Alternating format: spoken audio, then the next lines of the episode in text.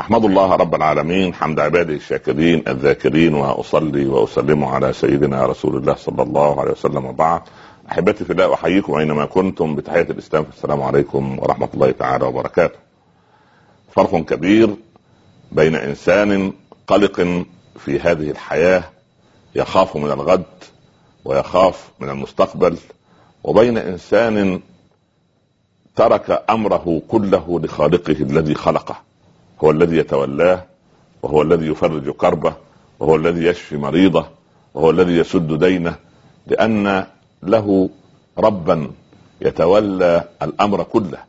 فإذا كان عبد المطلب قال لأبرهة ان إنني صاحب الإبل أو رب الإبل أما للبيت فرب يحميه.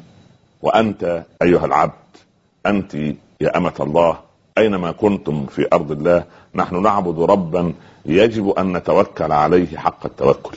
الإنسان المتوكل على الله إنسان يشعر ب يعني بالأمن والسلامة الداخلية فينام ولا يتعاطى أدوية للقلق. الذين يتعاطون أدوية القلق قد تبخر التوكل من قلوبهم. أي إنسان تجد يتعاطى أدوية قلق يعني آه، عنده آه، يتردد على العيادات النفسية يتعاطى أدوية مهدئة أو أدوية مخدرة أو من هذا القبيل. اعلم أن كم التوكل الذي في قلبه قد ضاع أو قد قد تبخر. لماذا؟ لأن الإنسان المسلم يطلق الأسباب ويعتمد من قبل ومن بعد على رب الأسباب. هذا رسول الله صلى الله عليه وسلم عندما كان في الغار يقول له أبو بكر يا رسول الله لو نظر أحد تحت قدميه لرآنا. قال يا أبا بكر ما ظنك باثنين؟ الله ثالثهما. اذا قضية التوكل على الله حق التوكل هي التي تجعل الإنسان قويا. الذين قال لهم الناس إن الناس قد جمعوا لكم فاخشوهم فزادهم ايمانا. وقالوا حسبنا الله ونعم الوكيل فانقلبوا بنعمة من الله وفضل. لم يمسسهم سوء واتبعوا رضوان الله والله ذو الفضل العظيم. يقول أحد العلماء إنني أرى أن التوكل هو حسن الظن بالله سبحانه وتعالى. أن تحسن ظنك بالله. والله عز وجل ما عودك إلا خيرا. إذا كنت أنت تتوكل على عقلك وعلى علمك وعلى اجازاتك العلمية وعلى عزوتك وعلى قبيلتك وعلى الكرسي الذي تجلس عليه طيب من الذي كان يرزقك وأنت جنين في بطن أمك؟ إنما هو الله. من الذي علمك الله؟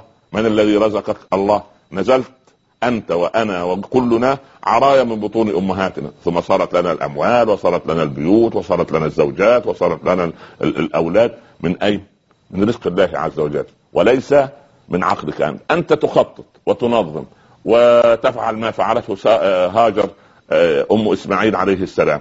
ما بين الصفا والمروة. ثم المروة إلى الصفا. المروة تبحث تحت يعني قضية السراب إلى أن استنفذت الأسباب كلها فرب العباد أمر جبريل أن يهمز الأرض بجناحه فنبعت بئر زمزم. فالمتوكل على الله حق التوكل يأخذ هذه الايه هذه الأمثلة. رب إني أسكنت من ذريتي بواد غير ذي زرع عند بيتك المحرم. ربنا ليقيموا الصلاة فاجعل أفئدة من الناس تهوي إليهم وارزقهم من الثمرات. الآية. إذا قضية التوكل على الله أن أترك الأسباب ثم أدع الأمر بعد ذلك لله. الطالب التلميذ يذاكر يجتهد يحضر المحاضرات دروس العلم حصص الدراسة ثم يعود ليراجع واجباته ويدخل الامتحان متوكلا على رب العباد سبحانه وتعالى ثم يترك الأمر من قبل ومن بعد لرب العباد عز وجل. يخرج من حوله وطوله إلى حول الله وقوته. يخرج من من من, من سبحان الله من تقديرات نفسه ومن ترك الأسباب بعد أن تركها إلى رب العباد عز وجل في بدر نفس القضية. نظم الصفوف صلى الله عليه وسلم طمس العيون والأبار التي حول بدر ثم أوقف المسلمين صفوفا على عادة أو طريقة حربية لم يعهدها العرب من قبل. وبعد ذلك قال من له مظلمة عندي فليأتي ليأخذها. بعد أن دبر كل هذه الأمور وقف يدعو الله سبحانه وتعالى. أما التلميذ ينام طوال العام ثم يقول أنا متوكل على الله هذا متواكل على رب العباد سبحانه وتعالى. إن صدق اعتماد القلب على الله سبحانه وتعالى هذا هو المتوكل الحقيقي على رب العباد. والتوكل على الله عز وجل يثمر لك ثمرة قوية عجيبة ألا وهي محبة الله عز وجل لأن الله سبحانه وتعالى يحب المتوكلين. فتقطع النظر إلى الأسباب وتقطع النظر إلى يعني الأسباب هي مجرد يعني عمل أنت مطلوب مطالب أن تقوم به ولكن الذي يقضي الأمور كلها بحكمته إنما هو رب العباد عز وجل. فإذا رزقت الفهم في المنع عاد المنع عين العطاء. فتتوكل على الله في جميع أمورك الصغيرة والكبيرة على رب العباد.